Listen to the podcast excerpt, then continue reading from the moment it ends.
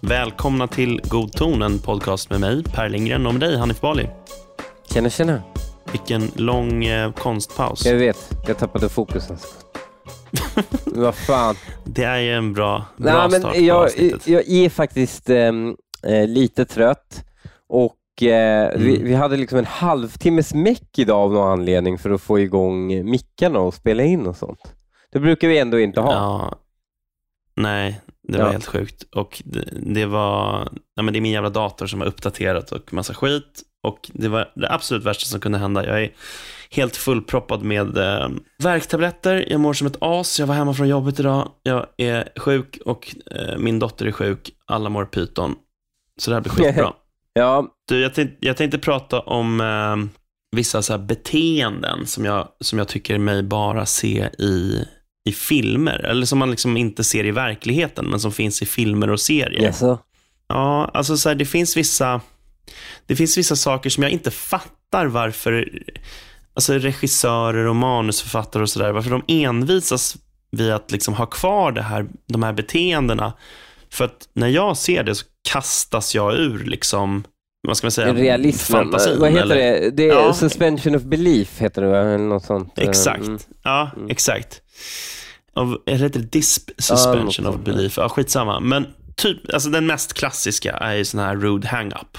Alltså, i filmer så lägger de Ja, de alltid på klickar. i örat på folk. Eh, Ja, Din son är död. Klick. precis. Om, men om det är en sån situation så skulle det möjligen kunna vara Liksom det, det kan man ju ändå konstruera en situation när det är, när man säger din son är död, klick. Typ att en mördare säger det. Nej, nej, det är ju nej. typ så alltså här, polisen som ringer och säger Ja, att din precis, son är död, det är han precis. som klickar också. Och sen är hon Ja. chockad kvar med telefonen i örat.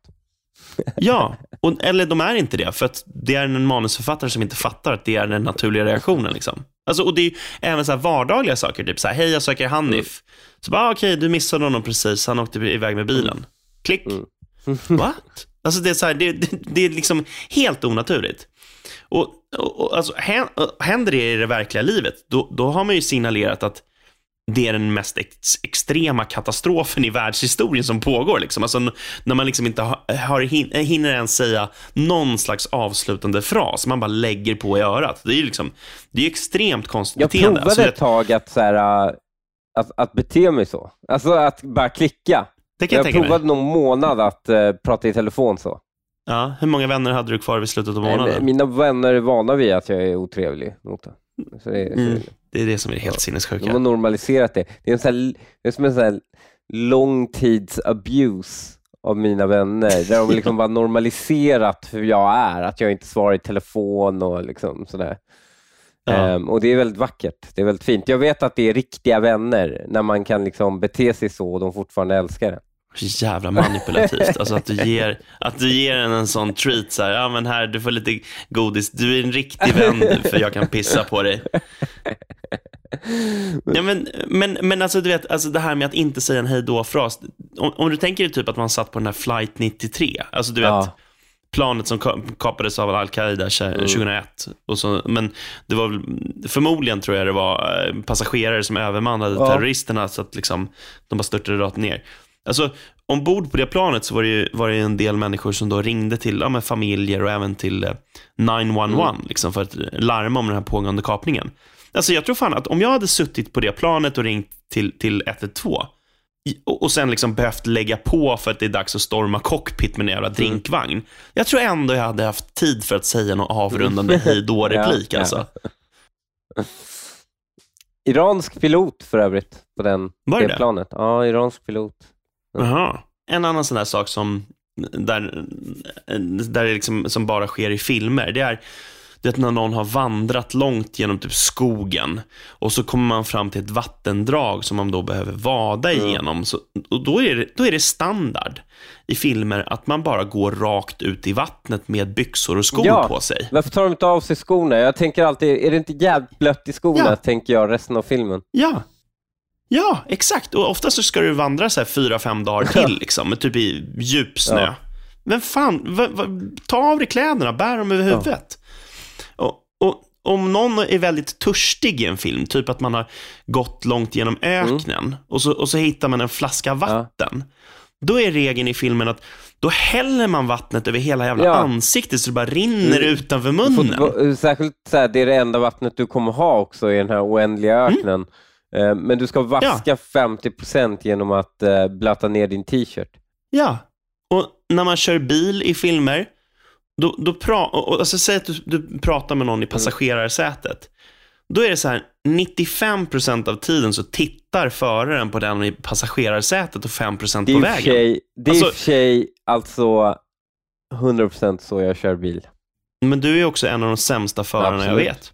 Jag står för det. Ja, Men jag menar, alltså jag tittar typ inte Nej, jag på människor inte i på ögonen när människor- jag pratar med dem utanför Aha, en bil. Jag Liksom. tittar inte på människorna. Jag det, det tittar bara på allt annat utom de i bilen och vägen. Liksom. Titta på dig själv. Pillar på liksom bilen och ja, le- Ja. letar efter nya menysystem som man inte upptäckt i onboard entertainment. Man, man kan... Det är mycket märkligt att du körde rakt in i en rondell ändå. Där var jag faktiskt helt närvarande. Det, jag, eh, Mm, det, mm. Har man kids i bilen så kör man ordentligt ändå. Mm, vi säger så. Och, två personer som eh, står och så här, riktar vapen mot varandra och liksom inväntar en andras drag, en Mm. annan sån här klassisk filmscen. Varför skjuter Så de inte bara? båda står... Den som skjuter först Ja, men kommer alltså vinna. båda står... Ja! Alltså, det, alltså om du står med fingret på avtryckaren Mm. och liksom avvaktar den andras drag. Alltså vad är, vad är tanken här? Alltså du, du ska Mm. liksom se den andras fingerrörelse och då hinna ikapp med din fingerrörelse och dra För du vill ju om, inte liksom. vara den som Det- dödar utan motiv, så att säga. Alltså, så här, utan, men du, precis. Det var ins, alltså, deras tanke om så här, det, det är så här, liberal Hollywoods tanke på att self-defense, det är inte när någon har ett vapen på sig i min proximitet, utan self-defense är när någon har ett vapen mot sig, har tagit upp den, riktar den mot mig, har fingret på På triggern, väg att skjuta. Eh, Mm. Då är det inte self-defense som skjuter dem, utan det är väl när han börjar krama triggern du har rätt att börja skjuta. ja, ja. Exakt. Och eh, eh, så här, ett kärlekspar som är sena till ett tåg i film, de springer ju alltid och håller i varandras händer. Alltså vad sägs om att släppa taget och komma snabbare till tåget? Ja, gud, ja. Och på tal om kärlekspar, alltså de som vaknar upp i samma säng, ofta då man eh, vill signalera att de har Mm. legat med varandra, och så ska mannen dra iväg på morgonen. Då, då är det alltid så att mannen drar på sig jeansen commando, Ja. alltså utan kallingar. Ja, men vad, vad är det för så här perverterad idé som finns bland alla världens filmskolor? Att liksom, vi män går runt och skaver klockspelet mot gylfen. Vad fan är det om? Livsfarligt är det. Det borde man Ja. inte lära folk att göra. Men du var på väg att säga någonting. Nej, nej, nej. Jag, det, det, var, det var inget viktigt. Det, det, just det har jag tänkt väldigt mycket på. Också eh, Mm. att, eh, att eh, direkt efter samlag, när folk har samlag, Mm. så ligger de liksom väldigt nära varandra. Man behöver ju minst Mm. två, tre meter space från den andra personen för att bara kyla ner sig ett tag.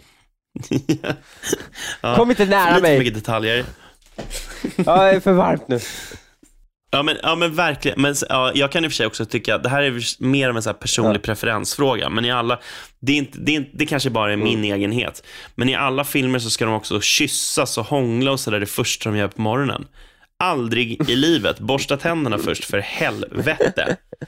Men, men en annan sån där sak är att politiker i filmer alltid ställer ut så tydliga garantier och löften som de sen utan skam i kroppen bryter emot. Och jag menar då att i verkligheten går det sällan till riktigt så. Alltså jag vet att folks, mångas bild är att ja, politiker bara snackar skit och de bryter mot sina löften. Men det här med brutna löften, det handlar i verkligheten för det mesta om om att politiker bryter mot sånt som uppfattas som löften, men i själva verket inte är det. Alltså, det kanske är lite hårklyveri här, men jag, jag ska försöka förklara skillnaden.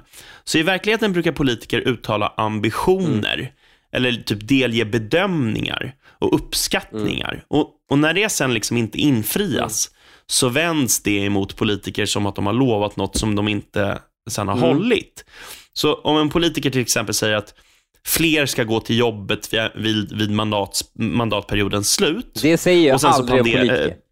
Nej, en politiker men, skulle men, aldrig ge ett säga... mål som är mätbart, alltså när. Nej, men, nej, men säg, säg att man skulle säga så. fler, fler ska gå till jobbet. Ja. Alltså så här, uh, uh, så Eller nej, jag vet en. Jag vet en. EUs lägsta så, arbetslöshet vid 2020. Till ja, exempel. Men precis, men det, men det är ett konkret, det är, det är ett konkret Eh, det har ju setts som ett löfte, ja.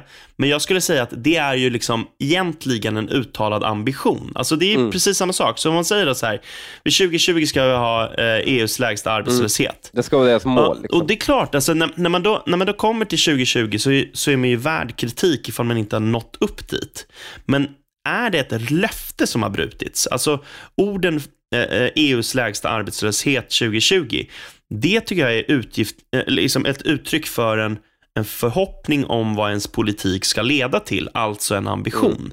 Men det är inte ett utställt löfte i strikt mening. Däremot så uppfattas den typen av uttalanden alltid som löften i, den här politiska världen. Så det, det, det jag säger kanske mest är relevant i någon slags teoretisk mening. För att om det man säger uppfattas som ett löfte så kommer man ju också uppfattas ha svikit ett löfte om det inte infrias. Så därför så bör man ju som politiker redan från början vara förberedd på att så är fallet och, så liksom, och ha det i beaktande när man uttrycker sig. Men, men jag menar att det, det är ändå en, det är en skillnad på hur det går till i filmer, för i filmer är det inte ett sånt finlir. I filmer så står politiker alltid och ger klockrena löften av slaget så här. Jag garanterar att fler kommer gå till jobbet vid slutet av mandatperioden. Annars kommer inte jag sitta i någon regering. Och så, och så, eh, liksom, så passerar då mandat, eh, mandatperioden och så gick inte fler till jobbet. Men politikern börjar då slingra sig och försöker ducka att han liksom har lovat att avgå mm. om färre går till jobbet vid mandatperiodens slut. Mm. Och i, så, i, en sån kontext så spelar det liksom inte någon roll vad som är förklaringen till att färre går till jobbet vid mandatperiodens mm. slut. Alltså om, om det har blivit världens mest omfattande finanskris och företag har liksom gått i konkurs till höger och vänster så, så är det ändå så att man som statsråd har lovat att man har, att, att, man liksom, att det ska vara på det ena sättet och, och är det inte det så ska man ju avgå. Vilka jävla tråkiga filmer tittar du på där politiker sitter och lovar sådana grejer? Ja men så fort det är en ja. politiker så, så, så liksom så här, en, en kampanj, ja. alltså kampanjer ja. som illustreras i, i filmer så är de alltid så himla mycket tydligare mm. än vad de är i mm. verkligheten.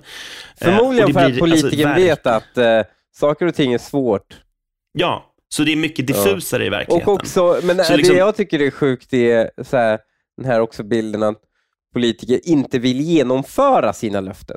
Mm. Alltså, politiker vill definitivt genomföra sina löften. Problemet är att det kanske uppkommer saker som hindrar dem från att genomföra sina löften. Alltså, I ett svensk mm. kontext hade det väl varit exempelvis att eh, man inte fick egen majoritet så mm. man är tvungen att samarbeta med någon annan och därför inte ge, mm. får det man vill. Eh, mm. För att ja, man, man är inte tillräckligt liksom, stor för det. Ta till exempel, alltså jag vet, eh, fan var det valt 14 eller 18 och Moderaterna typ lovade fler parkeringsplatser och eh, förkortade tider för betalning i parkering i Stockholm. Mm. Eh, det var 18, det var valt 18. Mm. Men sen fick, tappade ju Moderaterna asmycket i valet. Mm. Eh, mm. och mm. eh, fick inte tillräckligt mycket majoritet för att kunna styra. Och då var det massor av andra partier man var tvungen att styra med som inte var lika bilismvänliga som vi är.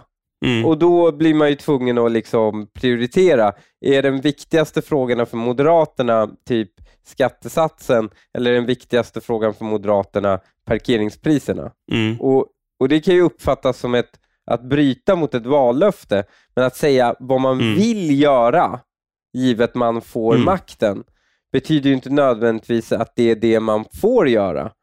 Sen, men det är exakt det, är exakt det jag är ute efter. Mm. Alltså, och Det är därför man säger så här, det är därför man eh, som politiker oftast uttrycker sig på ett mycket försiktigare mm. sätt än vad man gör i mm. filmer. Så det är just, det är framförallt liksom, där de är supertydliga löften och garantier. Mm. Det händer ju liksom inte i verkligheten. Det är ju bara i filmens värld det är mm. så. Eller? Ja, för så här lät det för sex månader sedan på Socialdemokraternas partistämma när den eh, sista kvarlevande sossepampen tog ordet. Men det finns ingen glidande skala in i Nato. Jag och Ann Linde hade möjlighet att träffa Natos Atlantiska råd. på besök i Stockholm, men de besökte även Helsingfors. Förklara nogsamt varför Sverige inte avser att söka medlemskap i alliansen. Och det handlar i grunden om att det vore negativt för, utifrån rent militärstrategiska synpunkter och utifrån balansen och det långsiktiga spänningsläget i vår del av Europa. Och, alltså, här, så, det, än så länge i det han säger så har han inte uttryckt något löfte. Men jag tänkte bara avbryta här för att liksom köra ett litet sidospår. Mm. Han, han talar här om vad man avser att göra. Och det, det, det, är inte ett uttryck för, eller det är ju ett uttryck för en bedömning där och då. Och det är mm. helt fine. Det är liksom inte ett, ett löfte egentligen. Så om saker och ting förändras så, så kan man göra en annan bedömning. Mm. Men, men sidospåret jag tänkte bryta men in med här är militärstrategiskt är ju en väldigt tydlig åsikt, så att, säga. att det är militärstrategiskt ja, att dåligt att gå med i. Ja, det får man att säga. Men det jag också tycker att man ska observera är att han pratar om balansen i vår del av mm. världen. Alltså, när Sverigedemokraterna hade motsvarande formulering i sitt partiprogram, då gick ju hela tyckonomin upp ja, i stabsläge. Ja, rys, rys. Alltså, Köpt av Putin bara. Ja, exakt. så här skrev bland annat eh, ja, Jens Liljestrand mm. skrev så här i Expressen. Kriget i Ukraina är ett krig om värderingar mellan två radikalt olika idéer om samhället. Om konflikten ska betecknas som öppenhet kontra slutenhet, folkstyre eller tyranni, liberalism och totalitarism eller bara väst mot öst är upp till var och en att definiera. Men den person som i detta eh, läge ägnar sig åt whataboutism, kolsyparteori, teorier eller tredje ståndpunkten-floskler saknar moralisk kompass och demokratisk ryggrad. Det är ingen hypotetisk anklagelse eftersom den personen finns. Det var den personen som i Sverigedemokraternas partiprogram formulerade hållningen att Sverige ska respektera balansen mellan stormakterna. Varför då? Varför ska vi respektera en balans som möjligtvis Rysslands, eh, som möjliggör Rysslands giftmord, terrorism, åsiktsförtryck och numera också vansinniga våld mot civila? Orden i partiprogrammet ströks diskret i januari när SD kände vart vinden blåste, blåste men skammen finns givetvis kvar. Och alltså så här, tycka vad man vill om, om formuleringen och sakfrågan, men det är ju rätt anmärkningsvärt hur få upprörda texter som skrevs när försvarsministern talade om balansen i sitt tal på, på kongressen. Ja. Alltså, den här kritiken som, som, som riktades mot SD för fan mig exakt samma formulering, den var ju så omfattande att de tog bort formuleringen från sin hemsida. Nej, men, men, men, och det, det sker ju inte heller i något fucking jävla vakuum. Det här. Man kan ju säga så här, ja men försade han sig? Eh, var det bara något tillfällig bludder han, han sa i sitt nej, tal? Nej, nej. Men då, det här går ju helt i linje med resten av hans ståndpunkter och sen vad mm. Magdalena Andersson, alltså efter krigsutbrottet, gick ut och sa att det skulle destabilisera vårt, mm. vårt vårt säkerhetsläge om vi skulle gå med i mm. NATO. Mm.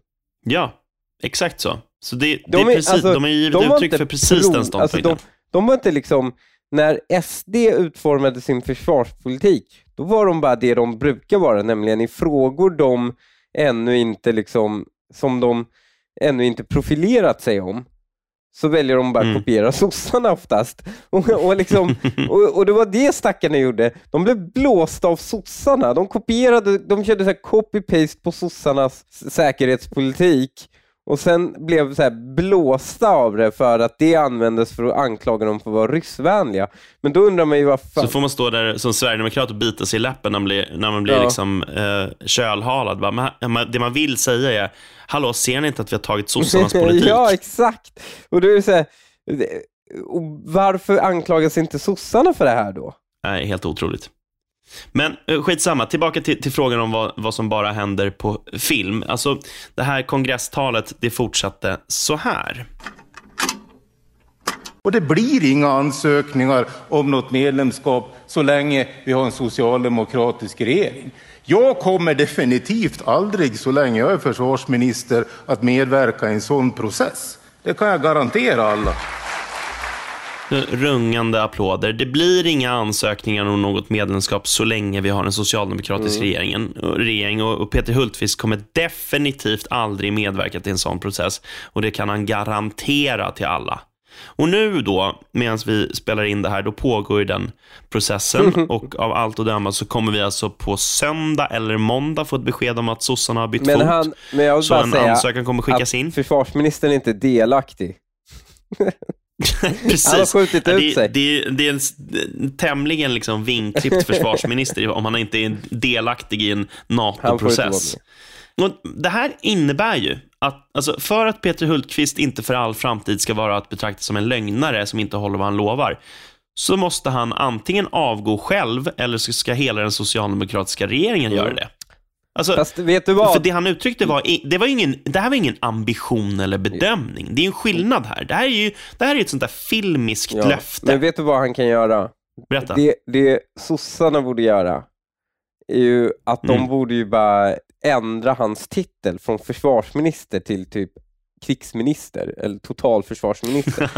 Och sen bara, ja, men, ja, precis. "Nej, jag är ju inte försvarsminister längre. Ja. Numera är jag NATO-minister. Och de är Ja, men- de enda men- som kommer tr- köpa den, den liksom den finten är så här, äh, svenska journalister och typ så här, Svenska Ja. autismförbundet. Det annars kommer ingen gå på det. Men ja, fast grejen så här, alltså jag tror ändå liksom Autismförbundet, eh, de kommer nog ha vissa problem, för egentligen är det ju redan Ja. för sent. För, för det är själva processen han garanterar att han aldrig ska vara en Mm. del av. Och det är han ju redan. Alltså, han, så han, han har ju, här, här och nu, har han gjort exakt det han lovade att han inte skulle göra. Men, men han vill ju inte avgå, så det han nu gör är ju att slingra sig. Och vi kan ju lyssna på hur han då steg för steg har försökt att krångla sig ur sin definitiva position från i november förra året. Alltså vi snackar ja, men ett halvår sedan ganska exakt. Så här lät det då i 30 minuter i SVT. Du eh, sa personligen så sent som i november att så länge du är försvarsminister så kommer Sverige aldrig att ansöka om medlemskap. Gäller det fortfarande? Ja, alltså jag har inte ändrat någon uppfattning. Sen är det väl så här att aldrig ska man ju aldrig säga, lärde jag mig någon gång när jag var barn. Så han fortsätter alltså ljuga i det här läget. Han säger att han inte har ändrat uppfattning. Och det, det är ju klart att han har det. Alltså, han har ju åtminstone ändrat uppfattning om ifall han ska bidra i en process till en ansökan om NATO, för den är ju redan liksom i full blom. Det var det han garanterade, så det måste han ju ha ändrat uppfattning om. Och sen var han med i Ekots morgonsändning den 10 maj och det lät det så här. Ja, ser man det rent krasst så kommer ju det att bli den effekten. Att eh, vi utnyttjar varandras styrkor och fördelar och kompletterar varandra fullt ut och dessutom genomför en operativ planering. Då blir det ju effekten att, eh, att vi blir starkare tillsammans. Det här är ju då någonting som kan ske om vi väljer att eh, gå med i NATO. Så han har på ett halvår gått ifrån att det vore negativt ur militärstrategisk synpunkt att gå med i NATO och att han på den tiden ville upprätthålla samma balans som gjorde att SD stämplades som putinister till att säga att medlemskap i NATO skulle ha som effekt att vi blir starkare tillsammans. Alltså det är den här typen av skamlös fräckhet. Den återfinns bara på film och i Ja, Socialdemokraterna. men du får tänka så här Per. Att vi Berätta. hade ju en försvarsminister som varit försvarsminister ganska länge va? När var det han blev försvarsminister? Det är åtta år snart ja. Han har varit försvarsminister. Mm. Och nu är det ju ett läge som in, ingen hade kunnat föreställa sig. Nämligen att ryssen hotar Sverige. Det försvarsministern satt och liksom vars arbete var förut är att föreställa sig andra hot som fanns mot Sverige. Till exempel en invasion från Nepal. Och då tycker han att det inte var rimligt att gå med i NATO. Men nu har det skett någonting som ingen någonsin har föreställt sig inom det, liksom, det försvarspolitiska eh, tyckariatet. Och det är nämligen att ryssen skulle vara hotfull mot oss. Nej, det, det såg vi fan det inte såg komma. ingen komma. Det här är en, liksom en svart svan. Det är liksom det är verkligen ingen som föreställde sig. Alla hade, han hade föreställt sig, han hade tittat på Bhutan, om de hade ett hot mot oss, om vi skulle vara starkare rent militärstrategiskt mot dem i liksom, eh, i, i, i, eh, med hjälp av NATO eller inte. Han hade föreställt sig om Laos skulle attackera oss, men inte ryssen. Nej, det, det, det är såklart. Nej, han är nog ursäktad Mm. trots allt. Jag, jag menar, vem kunde föreställa sig att ryssen ska göra det? Alltså, det är ju inte så att vår för, vårt försvar helt alltid har organiserat sig efter en viss invasion österut ifrån. Och att ryssen är Nej, liksom, vår, det har väl alltid varit den vi föreställer oss är eh, den som invaderar oss. Ja, alltså man skulle ju kunna argumentera för det. Alltså det försvaret brukar ofta liksom ha så här, när man, när man övar krig, så liksom är man, då är det ofta att man krigar mot liksom röd. och det får den- väl liksom förstås som Ja. Ryssland. Och va? den kommer Men, väldigt eh, sällan någon tränare på att den invaderar västerut ifrån. Eh, Nej, och- inte så ofta. Och det här, under hans tid som försvarsminister, vilket är alltså postinvasionen av Ukraina, alltså det är Mm. efter annekteringen av Krim, han har varit försvarsminister. Och under hela den här perioden så har han inte kunnat föreställa sig att ryssen skulle agera aggressivt mot ett icke-NATO-land. Nej, det är, det är faktiskt fascinerande. Eh, Och därutöver eh, att han har då så att säga ök, under den här tiden som försvarsminister har han ju faktiskt tillsammans med oppositionen tillskjutit mer medel till försvaret för att till exempel öka beredskapen på Gotland. Och då Mm. undrade man, då undrar jag, vilket land är det han var orolig för skulle ta Gotland? Ja, det, alltså, det är ganska intressant. Alltså, han, alltså, han, han, han blev försvarsminister i oktober 2014. Det var februari eller i mars som ryssen, ja, i februari som ryssen gick in Mm. i Krim. Alltså, han har inte varit försvarsminister Han har- han- under en tid där han har- Ryssland inte har invaderat ett europeiskt säga. Exakt. Under hela hans tid vid ämbetet så har Ryssland liksom tagit europeiska Och länder. under hans tid också, alltså de definierande ögonblicken när han tillsätts som försvarsminister och det är alltså från att han går och var något jävla sopigt kommunalråd i Borlänge till att bli, till liksom drillas in i försvarsministerrollen. Under hela den här perioden så är det alltså Mm. storkrig i Ukraina. För det var det ju särskilt i början, det kyldes ju av lite innan, eh, men det, då var det ju liksom storkrig eh, i Mm. Ukraina. Men, den, han, men han kunde inte föreställa sig att det skulle ske. Och alla som har liksom då propsat på att vi ska gå med i NATO, de har ju absolut inte gjort det för att man ansåg ryssen vara ett hot. Nej, men ju- han har ju gått så långt som att när, när Ulf Kristersson sa att han bedömde att eh, sossarna kommer byta fot i NATO-frågan inom fem års tid, då kallade han det för desinformation. Nej, det var inte ens länge sedan. Det var ju några månader sedan. Ja, det är så jävla sossigt som man fan baxnar alltså. Otroligt. Det var inte allt för den här veckan. Vill du lyssna på hela avsnittet så går du in på patreon.com godton och bli Patreon. För så lite som 10 kronor per avsnitt får du tillgång till hela avsnitt varje vecka istället för halva avsnitt varannan vecka. Du får även tillgång till vår hemliga Facebookgrupp som är med och styr vilka ämnen vi tar upp. Så gå in nu på patreon.com godton och bli Patreon idag. Annars var det allt för den här veckan. Hej då!